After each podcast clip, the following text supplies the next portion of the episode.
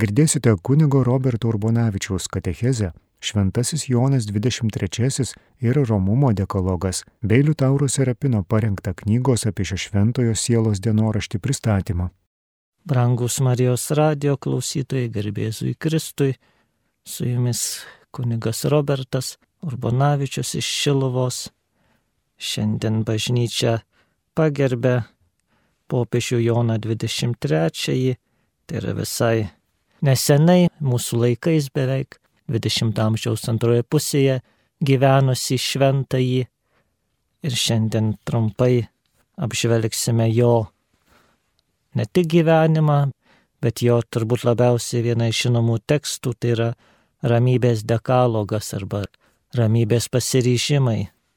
Taigi Jonas 23 arba jo tikrasis vardas yra Giuseppe Roncalli, Juozapo vardu pavadintas, gimė 1881 metais Italijoje, jau 11 metų įstojo į Bergamo Italijos miesto mažąją seminariją, tai yra mažoji seminarija, tai yra skirta tiem berniukam, kurie svajoja apie kunigystę, bet dar nėra tinkam amžiaus sulaukę, kad galėtų būti priimti. Studijas tęsė Romoje, buvo gabus, pasižymėjo gabumais. 1904 metais buvo išventintas kunigu ir greitai tapo Bergamo, tai yra savo gimtojo miesto viskupo sekretoriumi, padėjėjumi. 21 metais pradėjo savo tarnystę prie šventojo sosto kaip popiežiškosios tikėjimo doktrinos kongregacijos Italijos centrinės tarybos pirmininkas. Taigi jau kunigystės pradžioje buvo pastebėti jo gabumai, jo talentai, jo charakterio bruožo savybės. Nuo 25 metų buvo apaštalinis vizitatorius ir vėliau apaštalinis delegatas Bulgarijoje, nuo 35 metų Turkijoje ir Graikijoje, 44 metais buvo paštalinis nuncijus Prancūzijoje, 53 metais pakeltas kardinolu ir Venecijos patriarchų paskirtas, 1958 metais tapo popiežiumi ir pasivadino Jonu 23 ir išgarsėjo, aišku, turbūt labiausiai žinomas, tai yra, kad sušaukė visuotinį Vatikano antrąjį susirinkimą, kurį ir pradėjo ir neužilgo. 1263 metais, birželio 3 dieną mirė popiežius Pranciškus, jį kanonizavo 2014 metais.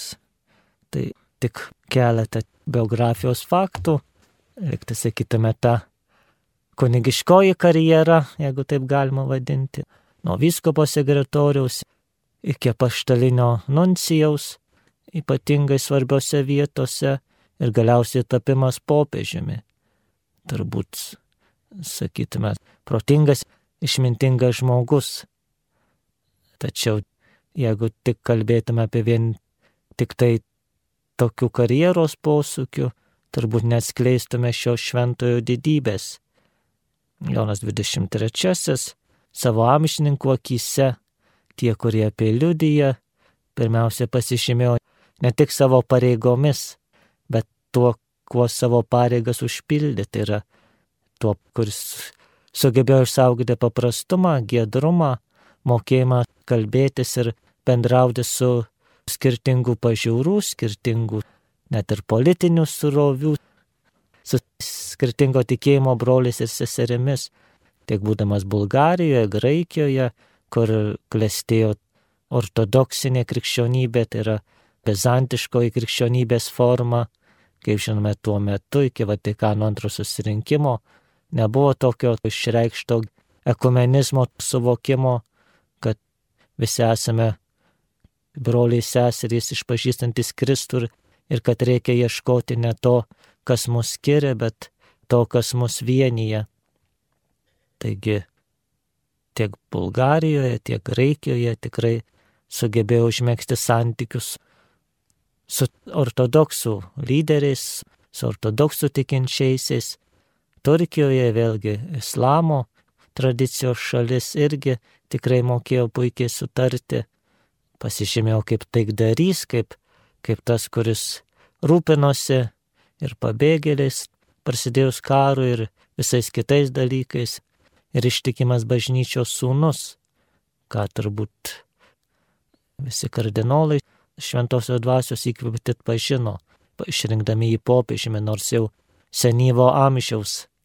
Tikrai tas pontifikatas buvo pakankamai trumpas, tačiau vaisingas tą per ilgus amžius susikloščiusią dvaro, Vatikano dvaro atmosferą, nes tikrai buvo tų daugybė papročių, kurie buvo atėję iš viduramžių ir nekito, tai yra, kuomet popiežius buvo suprantamas irgi kaip monarchas, nors jau pasaulinė padėtis buvo pasikeitus ir nebuvo popiežiaus valstybės beveik šimtą metų ir, ir visi kiti tie dalykai, kurie sparčiai keitėsi, o Vatikane popiežiaus ceremonijose buvo išlaikytas dar tas viduramžio dvaro etiketas, taigi popiežius Jonas 23 sugebėjo, sakytume, popiežystė suteikti žmogiškai veidą. Jisai bendraudavo su žmonėm ir paprastais mokėdavo pajokauti, pirmiausia iš savęs, tai yra tas tikrai šventumo požymis, kad galima pasijuokti, pašiepti save švelniai, visiems kitiems stengdavosi atrasti tą naują bažnyčios kalbą, ne vien tik taip per draudimų pabrėžimą, per smerkimą, per nurodymą, kas klaidinga, bet pirmiausia kviečiant atrasti tai, kas gera, kad gėris, kurį bažnyčia siūlo, kurį jai viešpas paliko, yra daug svarbiau ir daug geriau negu, negu tos nuodėmės ar tos klaidos, kurių kiekvienas turime. Taigi Jonui 23 dėkingi už tą troškimą, kad atverti Kristaus turtus visiems, kad naujai prakalbinti žmogų ir naujai patraukti prie tų Kristaus turtų. Greta visų tų pareigų, greta šitos veiklos, jis taip pat ir pasižymėjo giliu asmeniniu dvasingumu. Tai yra rašė beveik visą savo gyvenimą asmeninį dvasinį dienoraštį. Lietuvų kalba yra išleista tokia kaip santrauka, galima tikrai rasti įsigyti. Ir juose išskyrė tikrai tas pamaldumas, ypatingai mergelė Marija, šventam Juozapui, viešpatės gailestingumui, tikrai daugybė gražių minčių, gražių tekstų, kurios liudijo tą sielą, kuri tikrai ieškojo Dievo, ne savo garbės, ne bažnytinės karjeros darimo, ne kad žmonės liaupsintų, bet tikrai, kad tarnauti viešpačiu ir tikrai jam vadovaujant vesti bažnyčią. Šiandien norėtųsi supažindinti ir trumpai aptarti turbūt vieną iš garsiausių žinomų jų tekstų, kuriuos cituoja ir mėgsta ne tik tikintys, bet ir netikintys, tai yra popiežiaus Jono 23 Romumo dekalogas. Tai yra tokie tarsi savo pamastymai, savo užsibrėžimai, kurie, manau, tinka kiekvienam iš mūsų. Taigi kiekvieną jų galima trumpai aptarti. Pirmiausia, popiežius sako, tik šiandien aš bandysiu gyventi kaip niekada, neketindamas išspręsti viso gyvenimo problemų. Tai yra pirmoji popiežiaus mintis Pirmasis troškimas tai yra gyventi, gyventi šią dieną, gyventi čia ir dabar. Turbūt mes žmonės labai dažnai pasiduodam nerimui, kas bus ateityje, kaip ten reikės rytoj tą daryti, o po metų tą ir planuojam, galvojam ir pergyvenam. Ir nusimenam tada ir, ir stresą apima ir prikuriam tūkstančius tų rezultatų, kol galiausiai pamatome, kad dažnai tos mūsų baimės visiškai neįsipildo. Taigi popiešius patarė gyventi šią dieną šios dienos rūpeščiais. Kaip ir Jėzus sakė, kiekvienai dienai gana savo vargo, tai kas iš to, kad aš bandysiu išspręsti rydienos problemas, jeigu jų net dar nėra. Turiu daryti šiandien, ką galiu daryti. Ir tai yra turbūt pirmoji romumo priežastis, kad šiandien aš aš bandysiu gyventi šią dieną, neusikrausiu rydienos rūpeščių, nevarginsiu savęs rydienos problemomis, nes būtent rytojus ir prasideda šiandien. Jeigu šiandien teisingus pamatus paklosiu, tai tikrai rytoj bus daug lengviau. Taigi, pirmasis popiežiaus patarimas, sakytume, pirmasis įsakymas, tai yra šiandien džiaugtis ir šiandien gyventi šios dienos rūpeščiais. Antrasis patarimas tai yra apsisprendimas, tik šiandien aš būsiu mandagus ir paslaugus, nieko nekritikuosiu ir nesikėsinsiu, ką nors pataisyti ar drausminti, išskyrus save patį. Tai irgi labai svarbi mintis. Labai dažnai, kas mus apnuodija mūsų santykius, mūsų pačius, kas apnuodija mūsų dieną, tai yra kritiškas žvilgsnis. Man atrodo, kad viskas blogai.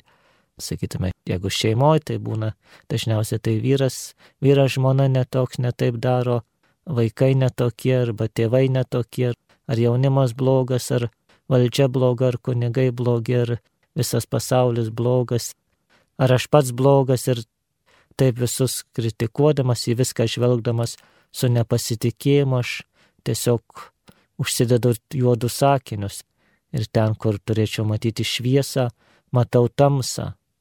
Tai tikrai nereiškia, kad neturime matyti blogų dalykų, kurie vyksta, bet pirmiausiai, kaip popiežius pastebi, jei ką nors reikia taisyti ar drausminti, tai save patį pirmiausia. Nes labai dažnai mes norime keisti kitus. Tai yra priimame slapta ar netgi, taip sakytume, atvirai, priimam tą nuostatą, jog su manim viskas yra gerai, tai va tas kitas, kitas yra blogas, kitą reikia taisyti, o aš žinau, kaip turi būti. Ir todėl aš turiu čia visus keisti, turiu daryti. Taigi, popiežius sako, ne, pradėk nuo savęs, keisk save, keisk savo požiūrį, keisk savo įdas, jeigu jau ką nori keisti. Tikrai kiekvienas turime savyje ką pakeisti, kad ir pradedant nuo mažiausių dalykų, pradedant nuo smulkmenų būtyje ar kažkur kitur, visi galime kažką kiekvieną dieną pasistengti. Ir jeigu tikrai negaliu savęs pakeisti, savo charakterio, savo būdo bruožų, tai tikrai turiu stengtis nekeisti ir kitų, stengtis primti su, su šypsena, su, su pastanga padėti kitam žmogui. Trečiasis popiežiaus patarimas ir apsisprendimas - tik šiandien aš būsiu laimingas, nes esu sukurtas laimiai ne tik busimajame pasaulyje, bet ir šiame.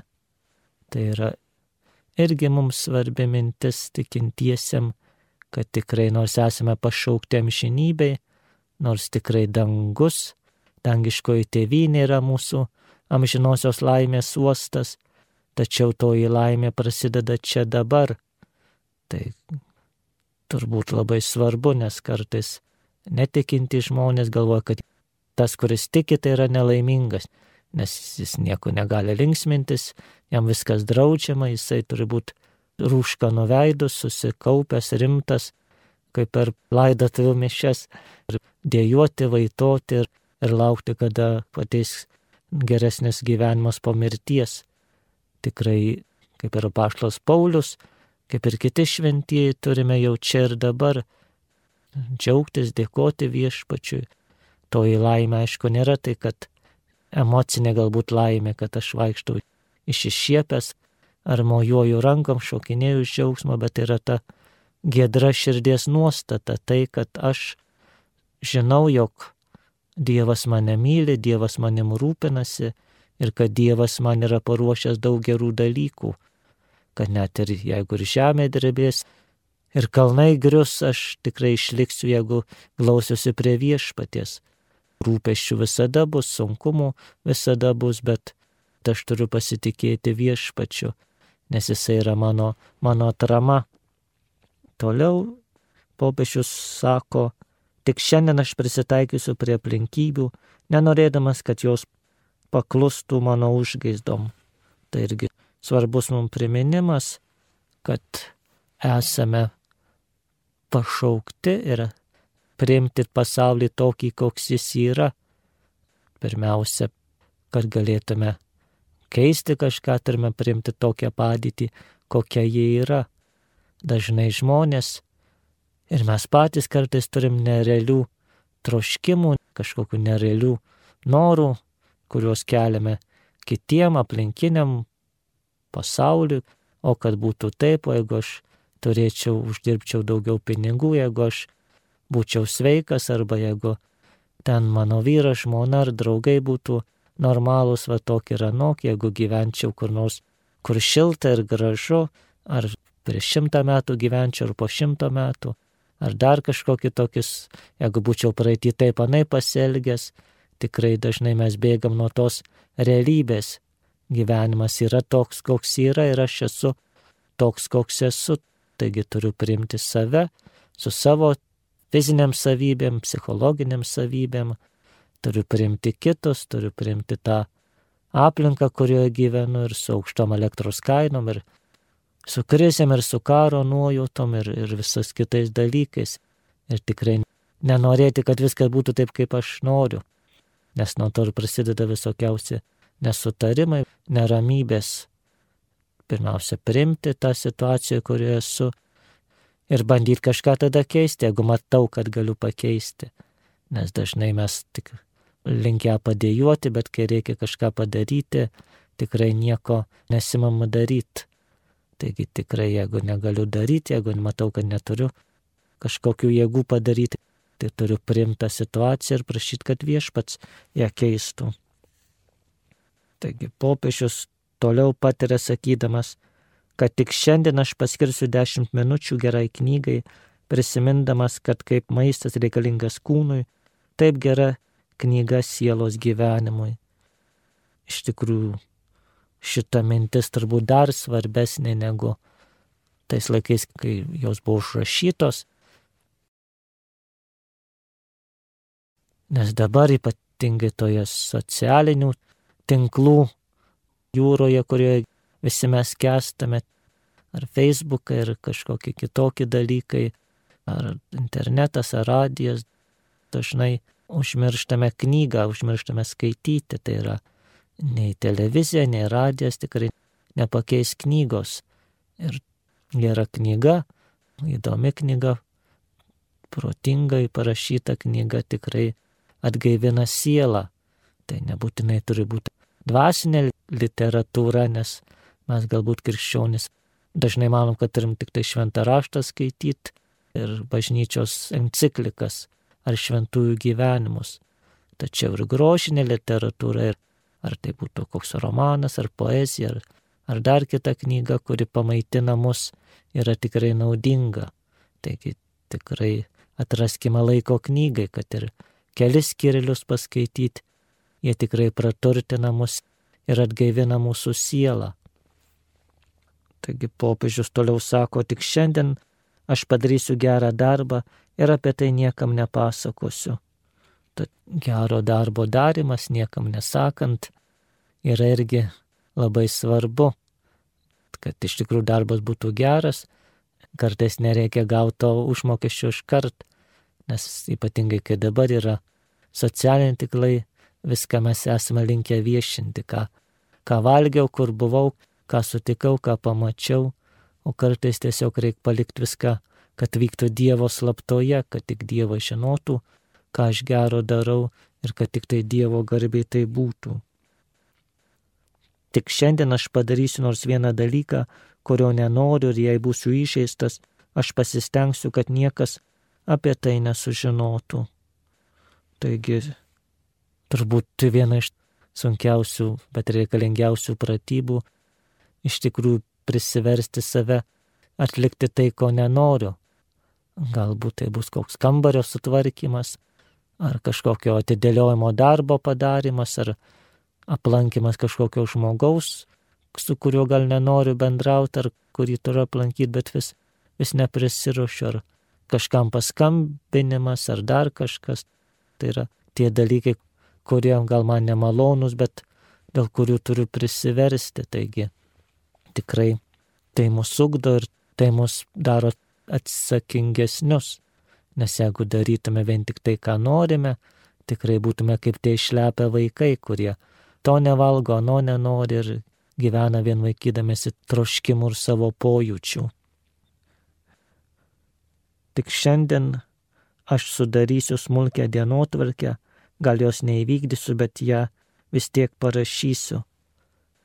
Taigi ir psichologai dažnai patarė, kad norint savo gyvenimą ar save patį išvesti iš chaoso, tikrai dienotvarkė yra gerai. Galbūt tikrai aš jos nesilaikysiu, bet susirašant, ką šiandien veiksiu, ar kada eisiu gulti, ar kada melsiuosi, kada skaitysiu, kada atliksiu tą ir aną, tai yra labai svarbu. Nes būtent tos tvarkos laikymasis tikrai gydo. Nes jeigu neturiu jokios viduje tvarkos, tuomet tikrai yra tos problemos, kad ir pradedu įsiblaškyti ir pradedu visur vėluoti ir tikrai tampa gyvenimas kažkoks tarsi toks lekiantis traukinys, nežinia kur, nežinia ką darau. Kartais aišku, jeigu yra to daug laisvo laiko, vėlgi, ar neturiu kažkokių darbų, tai galiu kažką susigalvot.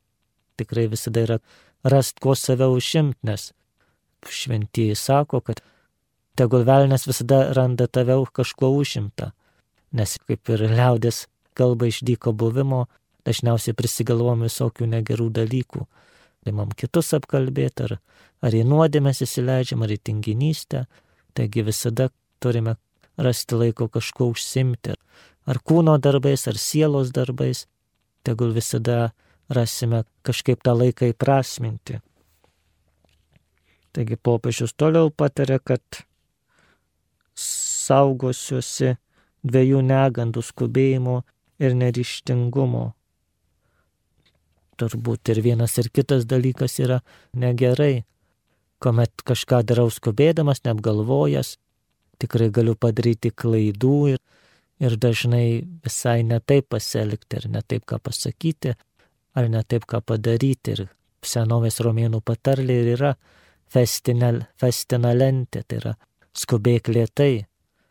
Turime apgalvoti, ypatingai mes tikintieji maldoj, pirmiausia kažkokį įvykį nešti sumanytą ir pažiūrėti, ar Dievas įlaimino, tada daryti.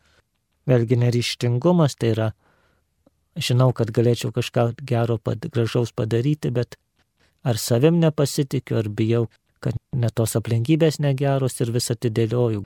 Gal rytoj, gal po metų, gal per kalėdas, gal per Velykas ir galiausiai dažniausiai tai niekad neįvyksta. Taigi tikrai, jeigu jaučiame, kad galima padaryti, tai turime daryti. Tik šiandien aš tvirtai tikėsiu, net jei aplinkybės bus prieštaringos, kad apvaizda rūpinasi manimi, tarsi daugiau nieko pasaulyje neegzistuotų. Pasitikėjimas Dievo apvaizda pasitikėjimas viešpačiu, kad jisai tikrai rūpinasi. Net jeigu, kaip ir pobačius sako, aplinkybės atrodo keistos, kad viešpas tikrai nepleidžia, tai yra labai svarbu. Taigi, ugdykime suvokimą, kad visada esu Dievo akivaizdo ir jeigu nesuprantu kai kurių situacijų, kai kurios situacijos mane gazdina, žinau, kad jeigu Dievas jas leidžia, vadinasi Dievas to nori ir kad dieviškoji apvaizda visada veda mus geriausių kelių.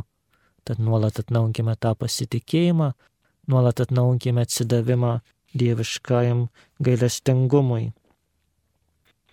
Tik šiandien aš nesibaiminsiu ir visai nebijosiu gėrėtis tuo, kas gražu ir tikėti gerumu. Šiais laikais galėtume sakyti, kad tikėti gėriu ir grošiu tampa vis sudėtingiau. Tai yra matome, kas darosi. Šalia mūsų visai karas, agresija, žudynės ir visame pasaulyje tiek daug sumišimo, netvirtumo atrodo, kad pasiklausiau žiniasklaidos, kad tikrai viskas garma pragaran.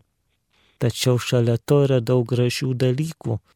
Ir juos pastebėti, ir jais gėrėtis, ir juos atrasti yra labai svarbu, kad tikrai būtume sveiki, sveiki dvasiškai, sveiki psichiškai.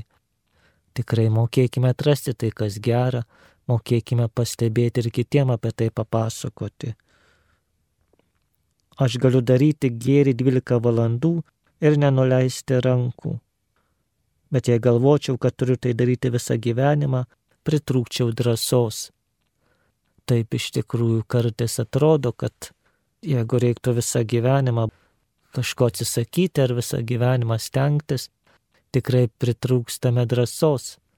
Bet ir kaip žmonės, kurie turi priklausomybių, vienas iš tų gyjimo žingsnių tai yra suvokimas, kad šiandien aš būsiu blaivus, šiandien ar ten nevartosiu narkotikų, šiandien, šiandien aš atsisakysiu to ar ano, nes tikrai turiu tik šią dieną.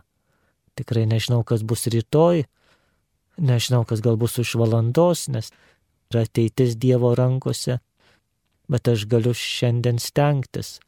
Jeigu stengsiuosi šiandien, jeigu stengsiuosi rytoj, tikrai Dievas ateis man į pagalbą.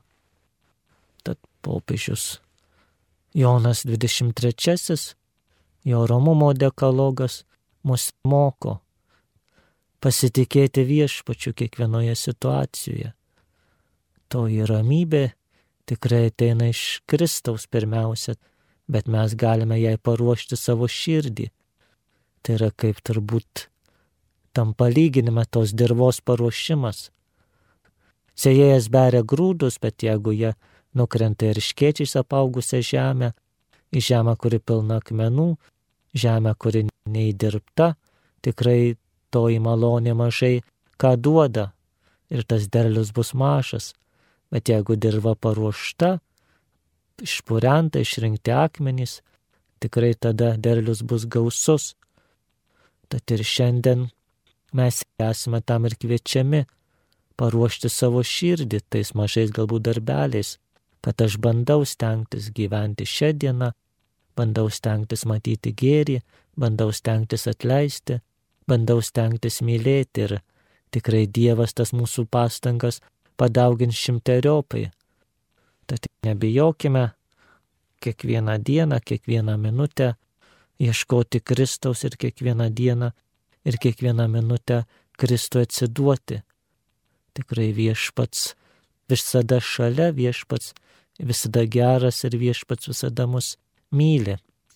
Taigi, šventasis Jonai 23, Romumo taikos popiežiau, užtark ir globok visą bažnyčią, pradedant dabartiniu popiežiumi Pranciškumi, kardinolais, viskupais, visais kunigais, pašvestaisiais, visais geros valios žmonėmis, visais tais, kurie Kristaus ieško, kad ir klyzdami, tegul tavo užtarimas padeda mums viešpati pažinti, viešpati pamilti ir viešpačiu labiau pasitikėti. Amen.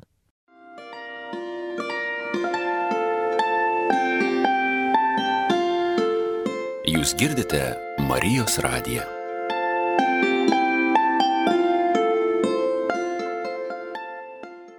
Gerbiami Marijos radijo klausytojai, šiandien norime Jums pristatyti knygą. Šventas Jonas, 23. Sielos dienoraštis, šventumo kelias. Prie mikrofono šioje laidoje su Jumis bus Liutauras Serapinas. Taigi, knyga, kurią išleido vieša įstaiga Magnificat leidiniai, esanti Paco gatvėje numeris 4 Vilniuje, Ir ši knyga yra skirta popiežiui šventajam Jonui 23. Vadinasi Sielos dienoraštis Šventumo kelias. Iš italų kalbos vertė Asta Žulkaitė, redagavo Jurgita Dambrauskaitė, vertimą peržiūrėjo sesė Liucija Grybaitė, lotiniškas citatas vertė daktaras Darius Alekna, viršelio ir maketo Dizaino autorius Marius Žalneravičius maketavo šią knygą Daiva Mikalainytė ir šios knygos korektorė Indrė Klimkaitė. Ši knyga nėra tokia stora, bet pakankamai imli laikui, dėmesiui ir gražiai apipavydalinta. Viršelėje yra panaudota Vatikano fotografo Luigi Felici nuotrauka, kurioje ir yra prie dokumento, prie rašomojo stalo, palinkęs, prisėdęs Šventasis Jonas 23. Kas tas Šventasis Jonas 23? Taigi popiežius, kurio pontifikatas buvo labai trumpas, truko vos penkerius metus, bet turėjo labai didelės įtakos šiandieniniai bažnyčiai. Šis popiežius, pradėjęs Vatikano antrąjį susirinkimą, dėl paprastumo ir gerumo buvo pramintas geruoju popiežiumi Jonu. Taip ir vadinamas buvo. Gerasis popiežius Jonas. Buvo mylimas ir ne vien tik katalikų bendruomenėse. Taigi, šventas Jonas 23.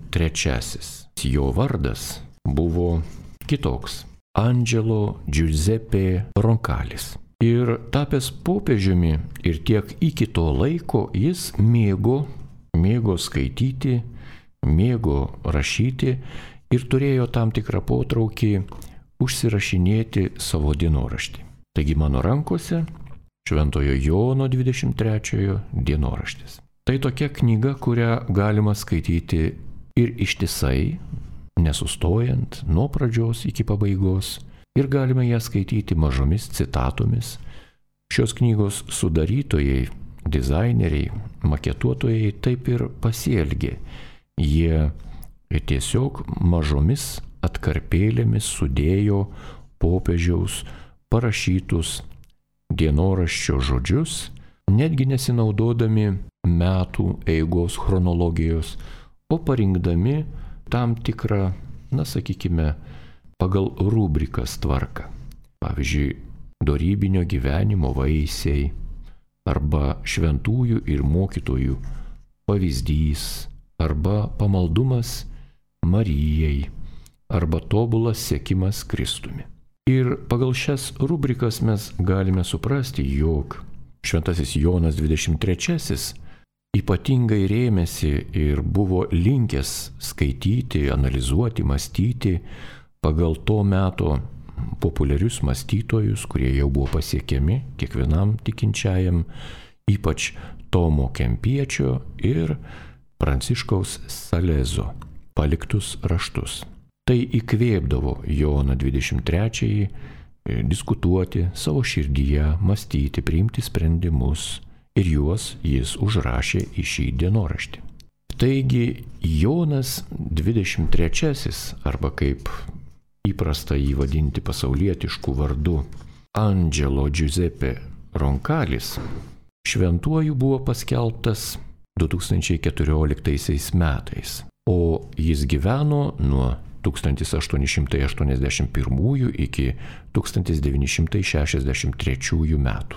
Visame krikščioniškame pasaulyje buvo laikomas dideliu autoritetu tiek dėl jo inicijuotų socialinių pokyčių bažnyčioje, tiek dėl pastangų siekiant taikos tarp valstybių ir ypač tarp bažnyčios atskirų ganytojų, konfesijų ir atskirų, sakytume, bažnyčių.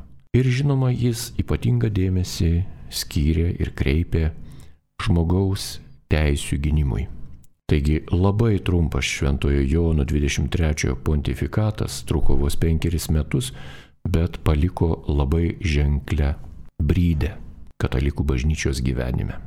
Šis popiežius pradėjo Vatikano antrąjį susirinkimą Ir žinoma, ta pradžia buvo jo be nesvarbiausias gyvenime darbas. 1996 ir iki 1963 metų rašyti šio iškilaus bažnyčios mąstytojo ir ganytojo dienoraščiai ir šiandien mums atskleidžia labai platų istorinį ir geografinį kontekstą, kuriame tuo metu jis gyveno, kuriame plėtojosi šio iškilaus dvasininko vyskupo veikla. Ir žinoma, šiuose raštuose, kuriuos jūs jums paskaitysiu, galima rasti labai tokių įdomių ir skatinančių šventojo siekių, kurie yra universalūs ir gali būti netgi ir mūsų siekiai, pritaikomi savo pačiam ir kad skaitytojas galėtų atskleisti gyv krikščioniško gyvenimo tikslą, būtent skaitydamas šią knygą. Keletas citatų iš šios knygos.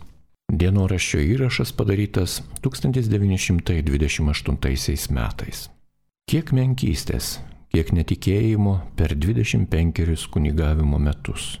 Jaučiu, kad dvasinis kūnas vis dar sveikas ir stiprus, aukščiausios viešpaties malonės dėka. Bet koks išglebimas, kiek mažų nuolaidų, dikadoniavimui, norui rinktis vieną dalyką, o ne kitą, vidiniam nekantrumui, kai tik susidurėma su skausmu ir sunkumais, kiek netidumo bendrų ir asmeninių maldų metu kaip paskubomis kartais perbėgta paviršiumi, kiek laiko prarasta skaitiniams ar netokiems svarbiems dalykams, kaip mano tiesioginės pareigos.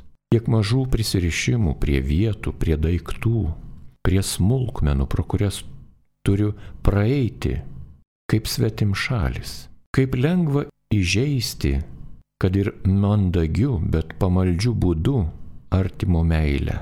Kaip dar sumišę vaizduotėje, dvasios polinkiuose tai, kas žmogiška, pasaulietiška, su tuo, kas yra šventa, antgamtiška, dieviška, tai, kas yra pasaulietinė dvasia, su tuo, kas yra Jėzaus Kristaus kančios dvasia. Todėl visada turiu laikyti save apgailėtinų vargšų. Koks ir esu, paskutiniu ir neverčiausiu iš bažnyčios viskupų kurį šiaip ne taip iš gailėšio, iš užuojautos pakenčia broliai viskupai. Nevertu daugiau kaip paskutinės vietos. Iš tiesų visų tarnas ne žodžiais, bet gilaus nuolankumo bei nusižeminimo rodymų.